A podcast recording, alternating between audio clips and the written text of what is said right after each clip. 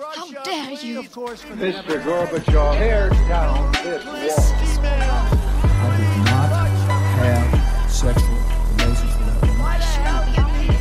Read my lips. Hell yes, we're gonna take your AR-15. I have a dream. Thank you. Velkommen til eh, episode 21 av eh, Statsvitenskap og sånt. Eh, og i dag, Harald, da kom korona til rådet.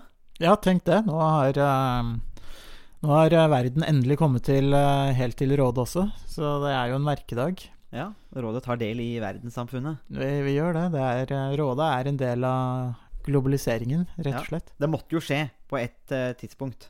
Det måtte jo det, så vi har jo, uh, vi har jo venta lenge på det her, nesten. Det, det er klart at det blir jo fryktelig, det blir jo fryktelig, fryktelig mye koronasnakk. Nå, eh, det er vel sikkert enhver podkast er vel fylt av korona, så vi, vi er jo på the bandwagon, uh, for å si det sånn. Uh, men det får, får, får man bare tåle, egentlig. Men vi uh, har jo tenkt å prøve å fortsette å bruke koronaviruset, altså pandemien, som utgangspunkt for en, um, for en statsvitenskapelig diskusjon, da.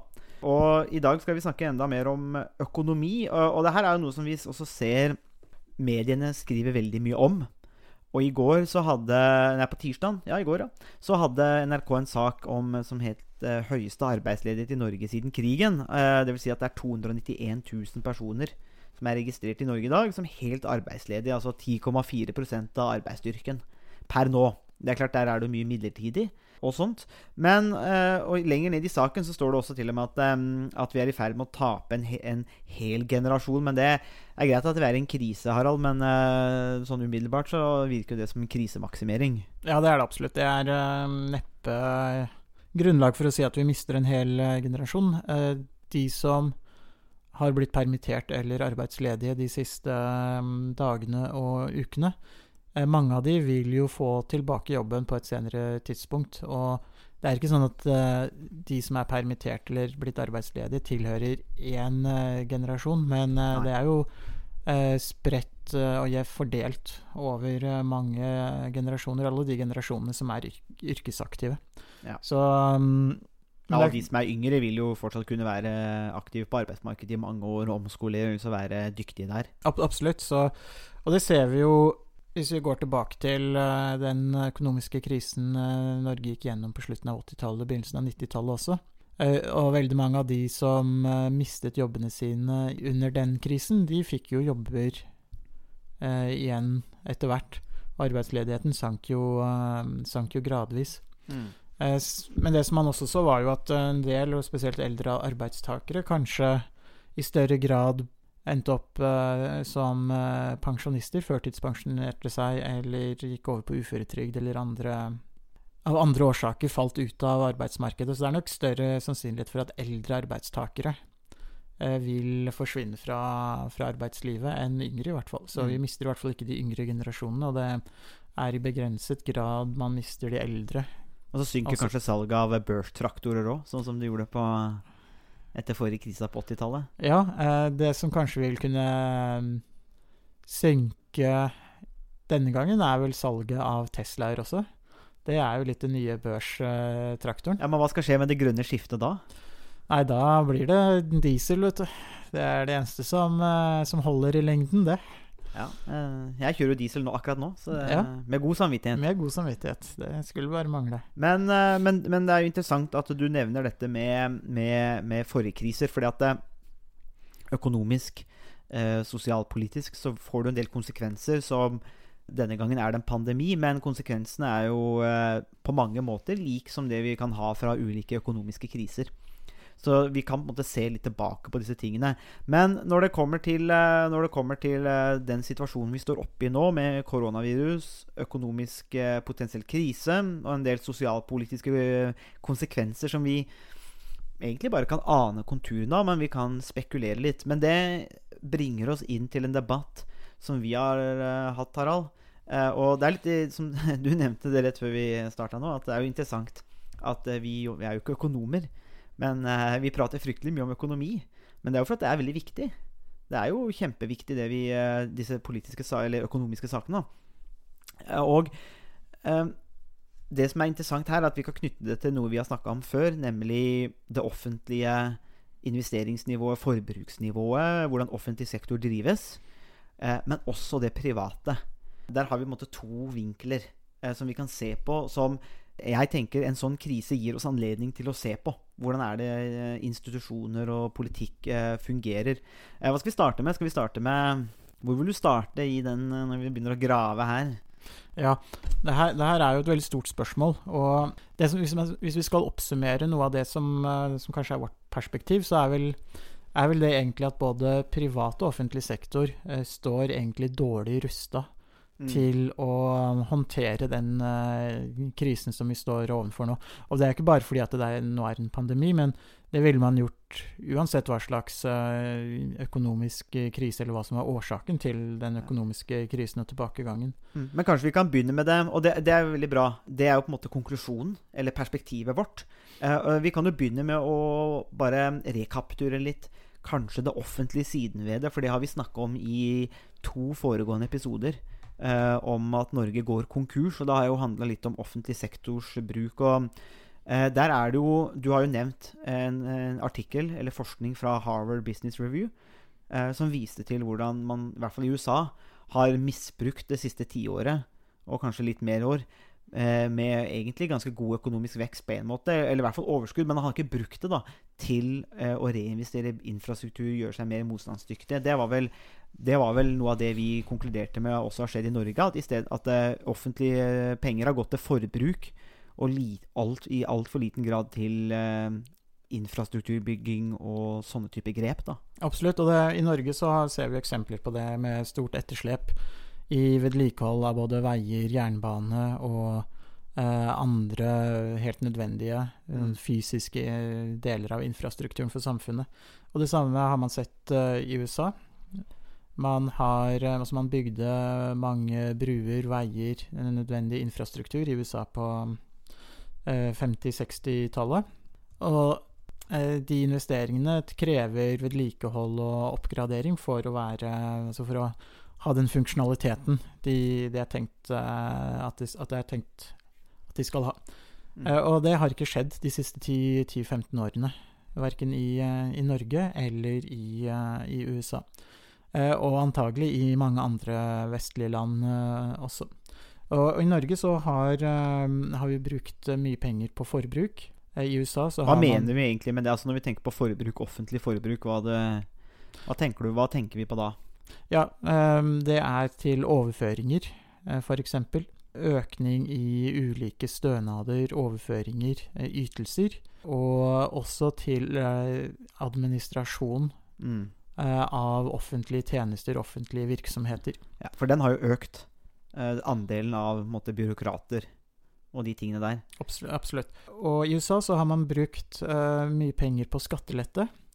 Og det er jo en annen form for, uh, for å Ja, en annen måte å gjøre det på. Eh, og konsekvensen av det er at offentlig sektor og samfunnet i dag er dårligere stilt enn det, man, enn det det kunne vært hvis man hadde brukt penger på oppgradering av infrastruktur og bygging av sykehus, veier, eh, alt annet som er, eh, er viktig for å ha et, eh, et robust samfunn som kan stå imot eh, den type eksterne sjokk som vi Mm. Eh, møter nå. Og det, det gjelder mange, ikke, ikke bare i Norge og USA, men også egentlig mange andre vestlige land. Ja, for det er vel litt sånn, det er, vel litt sånn eh, Er det en eh, overføringsverdi til, til eplebonde Borgerbunn òg? Du skal, når du investerer, tenker jeg, i, eh, i epletrær og den businessen her, så må du jo også tenke litt framover. Altså, hvordan er, hvor er, hva, hva, hvilke tiltak gjør du for at eh, driften skal være om fem år eller ti år, ideelt? da At du ikke du bare ser liksom den sommeren her og den sommeren her, men at du, du, må, du må jo ha en, altså en, en plan, da. Ja, for hvor du bruker pengene dine. absolutt. Landbruket er jo på en av de mer langsiktige næringene, eh, som krever et veldig eh, langsiktig perspektiv. Eh, og politikerne og demokratiet har jo i mindre grad et langsiktig perspektiv. I politikken i dag så, så er jo en fireårshorisont et langt eh, perspektiv Mm. og som egentlig en evighet. Og um, det er jo et veldig kort perspektiv i samfunnssammenheng. Og Ja, og i hvert fall når vi begynner å tenke på store investeringer, sånn som eh, Østfoldbanen, som aldri, eller dobbeltspor i Østfold, som aldri ser ut til å bli bygd. Eh, Nei, og ikke- sammen med Ringeriksbanen. nettopp. Eh, Begge de to eksemplene er jo eksempler på infrastruktur som man har planlagt i flere tiår. Ja, Men som 100 år. ikke Ja, faktisk. Eh, Og det er jo eh, Det er jo pinlig. Mm. Eh, og um, ingenting har skjedd, egentlig. Man, um, man har ikke begynt å, å grave enda. Uh, og um, det tar for lang tid. Man bruker mye penger. Så man, man kan si det offentlige forbruket ligger i utredninger uh, og Ja. i planer og i administrasjon uten at man klarer å utføre byggearbeidet, eller kommer i gang med byggearbeidet. Og vi har jo snakka om Vi har jo oppsummert det her, kan vi kanskje si, med å kalle det reform uten innhold, og oppsummerte kanskje litt med Viken. Og at uh, Viken viser jo en vei, men viser jo, Viken viser jo feil vei. Eh, og at man får en reform uten innhold. For at det er Det ser ut til å ha blitt en sånn slags sjuke. En slags sjukdom hvor man istedenfor å drive reell verdiskapning eller drive Eller legge masse penger da i infrastruktur, så reformerer man og planlegger og har utredninger som koster millioner og milliarder av kroner. Men det har ikke gjort noe i slutten. Så, og vi brukte jo eksempelet om Nord-Norge-banen nå. For mye av de pengene som man har brukt på håpløse omorganiseringer, og til dels det å bare flytte militære baser rundt omkring, så kunne man jo bygd Nord-Norge-banen eh, for de pengene man bare har brukt på å flytte ting rundt omkring. Og så kan man godt si at ja, Nord-Norge-banen er kanskje ikke sånn lønnsom i og for seg, men den ville uansett gitt større lønnsomhet enn å bare flytte militærbaser fram og tilbake. Jeg tenker det er et viktig poeng. Hvis man først, først skal eh, sløse med pengene og, og kaste bort pengene på noe som kanskje er eh, ulønnsomt, så er det jo bedre å bruke det på ulønnsomme investeringer som har i hvert fall en, en nytteverdi. Eh, så kan man jo diskutere fram og tilbake den økonomiske eh, samfunnsnytten og osv. Men så, altså, det vil jo ha en stor Nord-Norge-banen ville ville jo hatt en stor nytteverdi for eh, alle innbyggerne i Nord-Norge, og også for mange i Sør-Norge som kunne reise med tog til, til Nord-Norge. Så, så der er jo så Hvis man først skal uh, sløse, så er det jo bedre å overinvestere enn uh, enn å bruke det på omorganisering. Ja, for det gir jo, det gir jo grunnlag for uh, framtidig uh, nærings... Altså, altså vekst, eller nær, skaping og innovasjon når infrastrukturen ligger til rette. Så det, det kan jo komme om 10 år eller 20 år, men du, du må jo tenke langsiktig, da, ikke bare fire år fram i tid. Og, men og det samme har vi jo det samme eksempelet på den sjuka, som jeg kaller det, da, er jo det at eh, Senterpartiet har som politisk prioritet da å reversere Viken. Selv om de i arbeidet, hvis jeg husker riktig, også innså at her er det utfordringer som må løses på en annen måte enn det vi gjør i dag, så det ikke, er de ikke fornøyd med Viken. Og det skjønner jo vi. Men svaret er på en måte å reversere og bruke mange hundre millioner kroner på det òg. Når det åpenbart ikke er svaret. Da. Og det ville vært et, nok et eksempel på å bare kaste bort hundrevis av millioner av kroner. Absolutt, og det er jo det, noe av det vi eh, har brukt litt tid på i den podkasten her, nemlig at det her er jo et problem som gjelder alle politiske partier. Og um, alle de politiske partiene som sitter på Stortinget i dag, er jo egentlig skyldig i eh, å støtte og gjennomføre den type, type reformer. Og eh, det, som, det som gjør det spesielt i, eh, presserende i denne sammenhengen, er jo at når vi ikke har brukt penger på kanskje det vi burde gjøre, så står vi også mer sårbare når vi først eh, blir truffet av en eh, såpass eh, stor krise som, eh, som det vi gjør nå. Ja, og så er det klart, det er jo ikke sexy å gå til valg på uh, at uh, vi skal øke pandemiberedskapen i Norge når folk aldri har opplevd det. Vi har ikke stått overfor en sånn krise siden 1945. Så da vil jo politikerne tenke at det her er ikke noe insentiv for meg og, og partiet å legge fram at vi må ha kornlager og vi må ha pandemiberedskap og vi må legge mer penger i allokere til nettopp dette her. Da er det litt mer sex å selge lavere bompenger og billigere sprit. Nettopp. Og, og det, som, eh, det som er spesielt, er at det her gjelder jo ikke bare offentlig sektor. Nei. Det gjelder også eh, privat sektor. Og det som er veldig interessant, er at hvis vi ser på um, de, eh, de, mange av de børsnoterte selskapene i, um, i USA, eh, så har jo de egentlig gjort akkurat det samme som det staten har gjort i eh, de, altså de siste, siste årene. Siste ti årene. Og eh, det er kommet en, en rapport som sier litt om hva er det de børsnoterte selskapene i, i USA har brukt overskuddet sitt på. Mm. Og i uh, perioden så har Spennende. børsnoterte selskaper i USA brukt 54 pros- prosent av overskuddet sitt på å kjøpe egne aksjer. Uh, og de har brukt 37% på å dele ut utbytte til aksjonærene. Og så har de da brukt eh, 9% av overskuddet på reinvesteringer og på å opprettholde kapitalen i, eh, i selskapet. Så, så 54% av overskuddet blir brukt til å kjøpe egne aksjer. Riktig. Hvorfor, hvorfor gjør de det?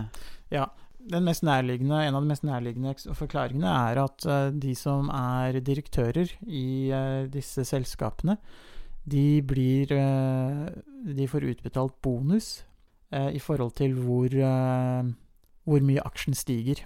Verdien av aksjen stiger. Og ved å kjøpe egne aksjer, så blir det jo færre aksjer.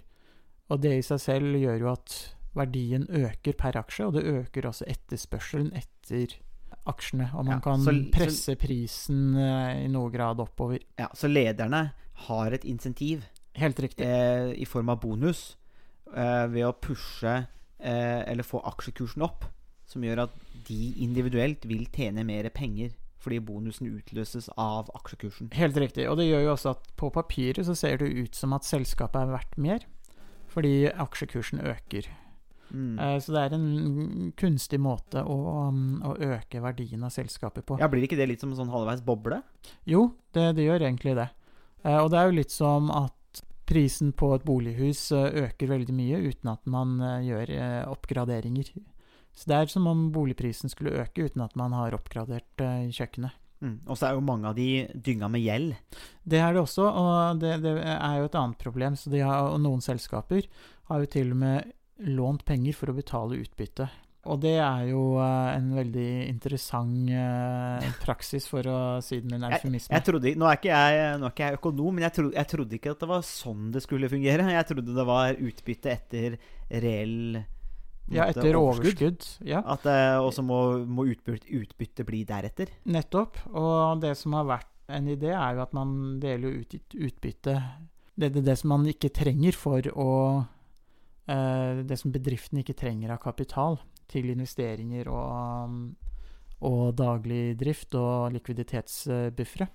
Og det som er interessant, er jo at nå står jo mange selskaper, både i Norge og resten av verden, i en situasjon hvor inntektene uteblir, og hvor de da har lite kontantreserver, eller mindre kontantreserver enn det de ellers ville hatt, hvis de ikke hadde brukt de pengene på å kjøpe egne aksjer eller på å dele ut utbytte. Mm. Eh, Så da har de mindre kontantreserver, og så er de da avhengig av å bli nok en gang eh, reddet av eh, staten. Mm, For det ser man jo i mediene nå, at det kommer stadig oppslag Be regjeringa åpne pengesekken for å redde diverse sektorer. Og, men jeg tenker på noe annet som, jeg, eh, som, som, som slo meg nå. og Det er det at eh, jeg så en dokumentar, det er fra 2012, at eh, i hvert fall da Så for hver dollar i på en måte reell verdi som ble skapt i USA, så ble det samtidig skapt 5 dollar 50 i gjeld. Eh, slik at er, Gjeldsveksten er jo enorm, og det ser vi jo også i Norge. Eh, og det er jo litt sånn, Når jeg tenker på det med utbytte òg Vi kan jo si det sånn at eh, når man ser reklamer fra- Komplett Bank og Norwegian Bank Norwegian og de tingene der, så kommer det reklame på TV, og jeg syns det er helt perverst. Så står det da Ta et forbrukslån når du skal unne deg en eh, tur til Barcelona, eller eh, unne deg en fotballtur, så bare ta 20 000, ta 25 000 i forbrukslån. Og det blir jo litt det samme at du unner deg en gode, for det er klart at eh, man må jo unne seg ting, eh, som man sier. Men, men, men Ja, vi har jo fortjent det. ja, vi har jo fortjent det. Så da, og da blir det sånn at da tar du opp et lån, penger du ikke har, på å bruke på noe du Altså, du, du har ikke kapitalen, men du tar opp lån for å likevel få det til. Og det blir jo litt sånn det du sier med utbytte og sånne ting, at det, du har egentlig ikke penger å betale ut i overskudd. Det er, Og- den nettopp det. Men du, men du tar opp lånet. Og det, for meg er jo det Da, da bygger man jo på sandgrunn, tenker jeg. Også, men andre tall òg, eh, noe som er, eh, som er ganske du, Var det nede i 9% i reinvestering? Ja, det er det som er igjen av uh, overskuddet.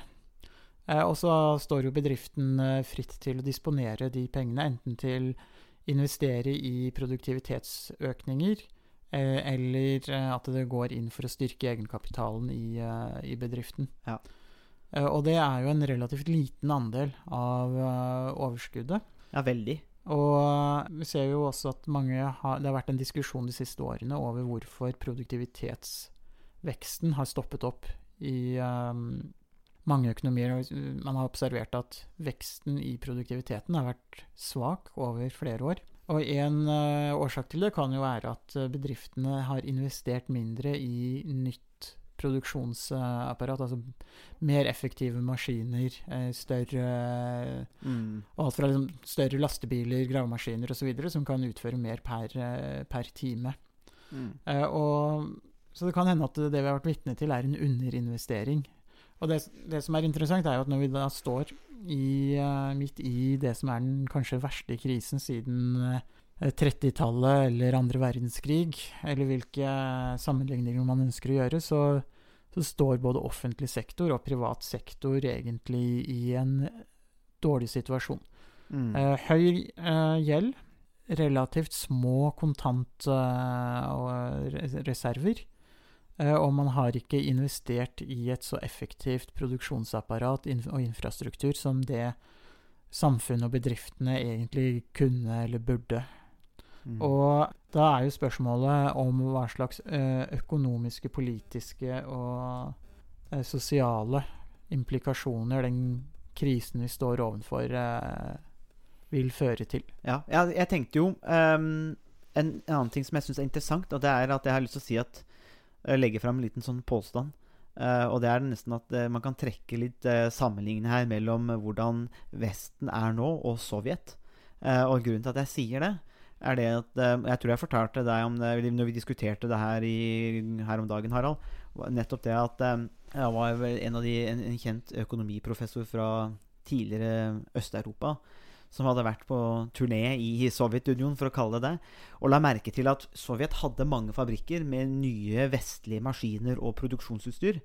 Men de kunne ikke bruke det, fordi at eh, de måtte holde liv i de gamle fabrikkene, som produserte mye mindre og mye dårligere. Men det var der miljøene var, så de måtte holde det. Alle skulle ha arbeid, og de måtte holde det i, i stand. Og han sa at det, da gikk det jo tapt av produksjonsvekst kunne, og produksjonskapasitet som kunne holdt eller bidratt eh, til at Sovjet klarte seg bedre. da. Uh, og det, jeg tenker når du sier det, at det kan jo være en interessant sammenligning. At vi på en måte er litt som Sovjet. At uh, utenfra så virker det mer stabilt og solid, mens innvendig så er det fryktelig skjørt. Eh, og, my og mye mer skjøre enn det vi liker å tro, da. Absolutt, og det er jo en, eh, en veldig god sammenligning. Vi, er egentlig, vi har egentlig den eh, nest beste versjonen av det vi kunne vært. Ja. Eh, og den situasjonen vi står overfor nå, krever den beste versjonen av det vi, det vi er. Mm. Og det er Det gjør at vi kan stille spørsmål ved hvordan samfunnet skal komme seg gjennom den krisen her, når det er så stor gjeldsoppbygging, både privat og offentlig. Mm. Og det er eh, høy arbeidsledighet. Og problemet med den høye arbeidsledigheten er jo igjen at det fører jo til synkende etterspørsel. Og synkende etterspørsel gjør jo at bedriftene og selskap som driver økonomien, de vil jo da selge mindre. Mm. Og mindre salg gjør jo at eh, de vil, eh, det vil kunne ytterligere føre, føre til ytterligere eh, flere, så tap av arbeidsplasser og skatteinntekter osv. Og, så og så ender man opp i en eh, negativ uh, sirkel. Men eh, jeg tenker på det med Du, du, du, du var inne på det i stad. Vi må begynne å se på kon konsekvenser. Økonomiske konsekvenser, sosialpolitiske konsekvenser, samfunnsmessige konsekvenser. Du har for så vidt toucha litt på ting eh, allerede. Men nå som vi er på den økonomiske tråden Du nevnte det. Nok en gang så består selskaper og banker kanskje klare å spørre Vi må reddes. Vi må ha en ny bailout. Og hvis vi tenker litt sånn strengt kapitalistisk, så er det noen eh, Teoretisk så er det noen problemer med det argumentet, og det er mange problemer med det, den, det kravet om bailout. Og kanskje vi bare kan gå litt dypere inn i det, for det det er et krav vi ser mye mer. Å, dere må åpne pengesekken og redde men, men, men, men bør vi egentlig det? Altså Bør statene gå ut og, og redde mange private selskap. Hele poenget med kapitalisme er jo egentlig at uh, markedet skal uh, avgjøre hvem som er vinnere og tapere. De, i, og i, teorien, så, I teorien skal jo de beste produktene og de beste selskapene de skal overleve. Og de andre selskapene vil jo etter hvert som taper i konkurransen, vil etter hvert eh, kunne forsvinne hvis de ikke eh, kommer opp med andre produkter eller eh, vender seg mot andre markeder. Så Ja, rent ja, ja. ja, hvis jeg bare kan, for da er vi inne i den eh, der det, er en konkurranse. riktig. Eh, og i den konkurransen så har vi kapitalismens destruktive kraft. Det vil si at den vil jo ødelegge de som taper, og det vil bli ødelagt. Og med det så følger det en del konsekvenser. Men i den dynamikken, i den destruksjonen, den ødeleggelsen, så ligger det også en, et innovasjonselement. At eh, noe faller ned. Og så er det noe som kommer opp og vinner og driver innovasjon. Og det, og og det vil igjen bli ødelagt eller eh, overtatt av noe annet. Men igjen vil drive innovasjonen videre. Det er vel tankegangen her. Ja, og det er vel det som eh, man Som enkelte har kalt for en slags sånn kreativ destruksjon. Eh, rett og slett ved at eh, man må ødelegge det gamle for å bygge opp eh, det nye. Man må begynne, begynne på nytt, begynne med blanke ark. Og så setter man i gang igjen og finner nye produkter, nye forretningsideer. Mm. Og det er jo på den ene siden det geniale med kapitalismen, fordi det fører til, i hvert fall i teorien, at man fordeler ressursene der de er mest produktive og produserer mest.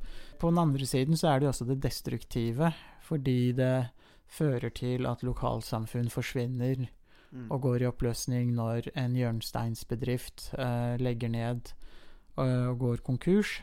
Eh, og man har kanskje ikke noen alternative arbeidsplasser. Og, så det vil, ha, vil kunne ha veldig store sosiale implikasjoner. Mm. Eh, og um, det vil ha, kunne ha store sosiale kostnader. Absolutt. Det, jo, det var derfor I det eksempelet jeg brukte tidligere med Sovjet, var jo fordi de holdt liv i de gamle fabrikkene. Var jo nettopp fordi at eh, den sosiale kostnaden er ganske stor. Men det som uansett er poenget, da, er at i en del bransjer, eh, en del av investeringsbransjene, banker, så har man egentlig en ganske sånn cutthroat, aggressiv, kapitalistisk stil. I hvert fall det, det er det man gir inntrykk av. Og da tenker jeg at her er det noe som ikke stemmer hvis det offentlige skal komme og redde de når de har på en måte tapt på markedet. De har spekulert, de har gambla. Strategien har ikke fungert.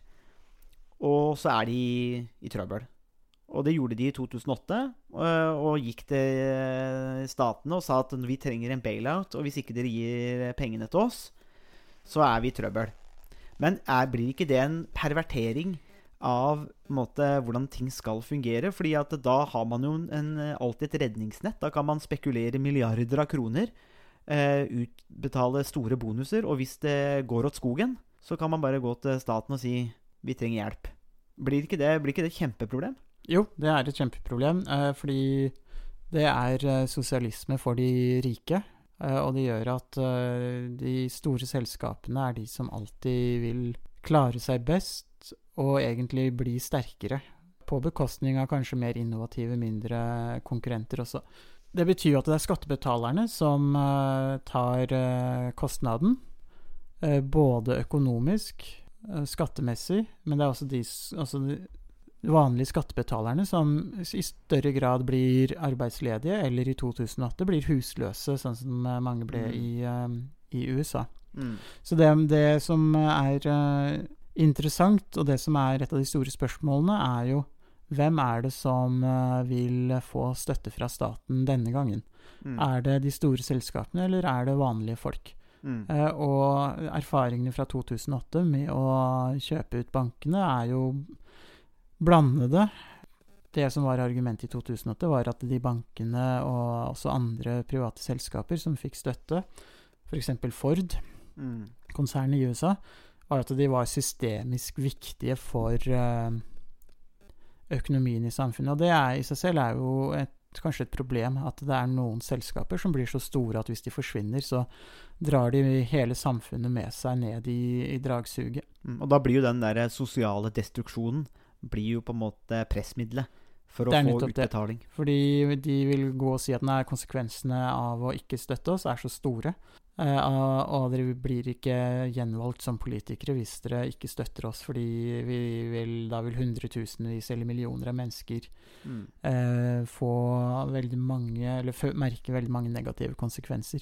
Mm. Så det som, eh, som man kan eh, diskutere i dagens situasjon, er jo om staten i større grad bør, hvis man skal eh, redde eller støtte noen, i større grad bør eh, fokusere på enkeltindivider eller familier eller rett og slett eh, vanlige folk.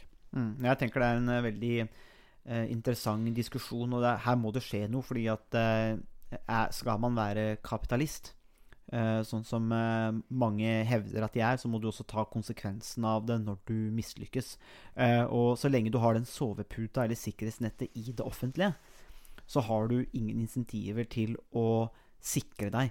Altså ved å ha Ikke bruke 54% på å kjøpe egne aksjer, men at 40% kanskje går med til kapital, å bygge kapitalreserver og reinvestere slik at du er bedre rusta. For det er jo egentlig sånn markedet skal fungere.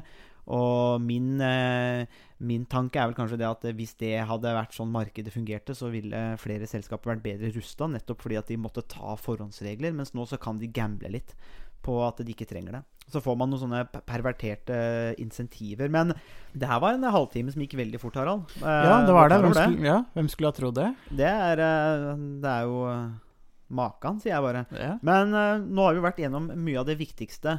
Uh, men la oss bare ta avslutte med en liten diskusjon rundt noen sånne sosiale implikasjoner eller potensielle konsekvenser. Du nevnte noe med i brexit-debatten og NHS, uh, som kanskje kan være litt sånn relevant her. For det, eh, hvordan skal Boris eller andre klare å gjøre noe med NHS eller helsevesenet nå når du har fylt opp eh, sykehusene med koronapasienter? Hva tror du om den situasjonen som de står oppe i nå i England eh, med brexit? Som, den har jo også forsvunnet helt fra radaren.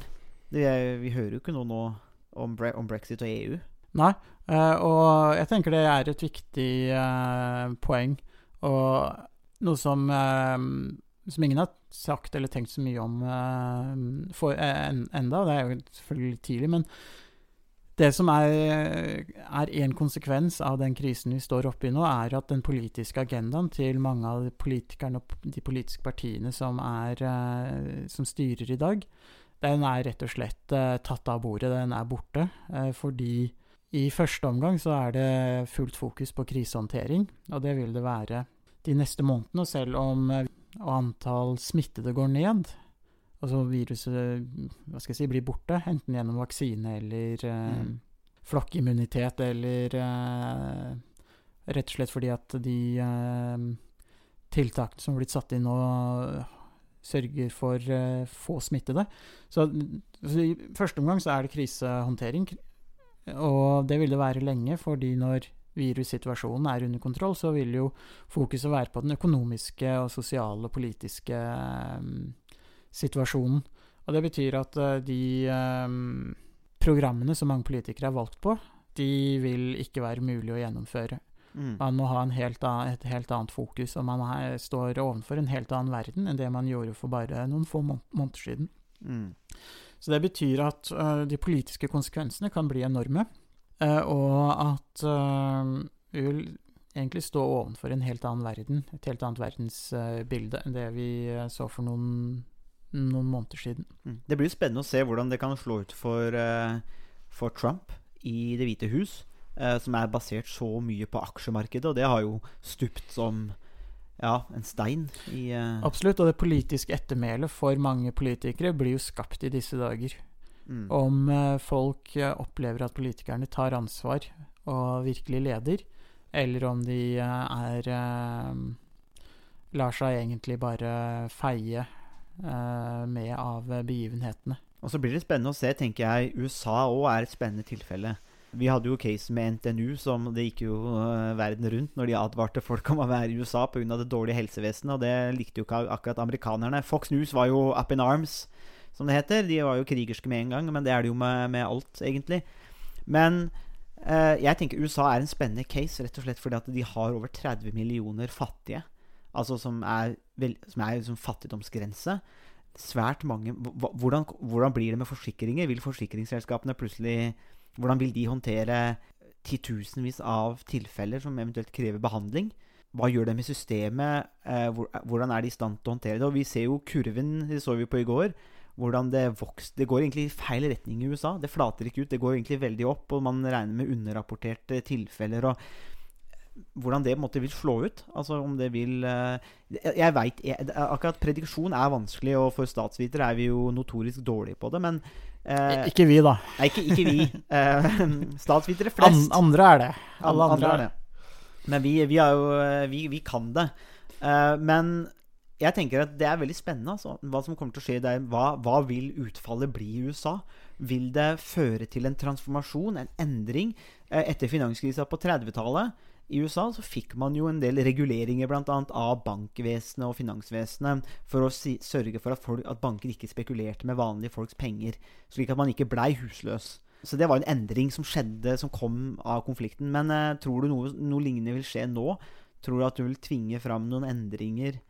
Eh, det spørs kanskje litt på krisen, da, men la oss si at, vi, at det her liksom virkelig får At vi, at vi, vi får mange døde i USA òg, da. Ja, hvis man skal eh, ja, predikere eller forsøke å forutsi noe og spå litt, så det virker jo som at helsesystemet i USA kanskje ikke er så godt rigga for den type pandemier som eh, vi ser konturene av nå, egentlig.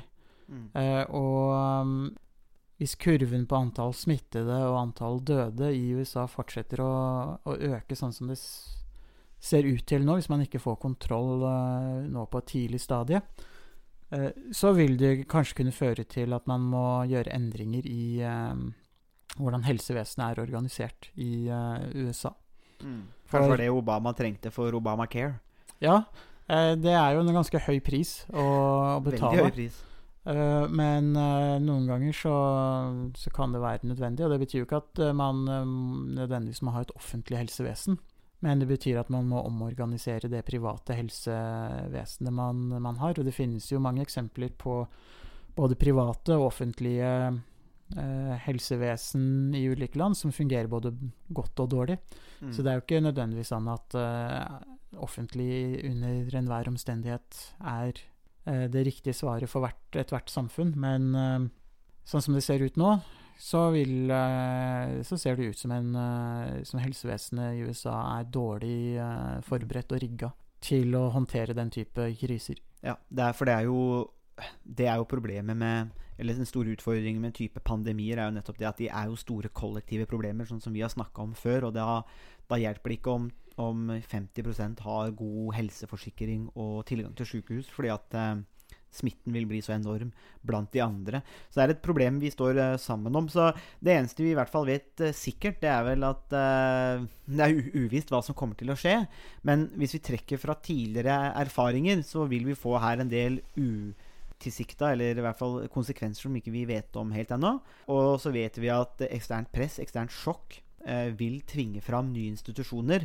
Og så er spørsmålet hvilken form vil disse institusjonene ta, hvilken politikk vil tvinge seg fram. Men at ting vil bli endra, det er jo helt sikkert. Så uten å overdramatisere at vi lever i en annen verden, så er det klart at her kommer det store politiske endringer og økonomiske endringer mest sannsynlig da, i tida framover. Eh, men vi skal i hvert fall holde øye med de endringene. Det er jo, det er jo tross alt jobben vår. Så. Ja, det skulle bare mangle.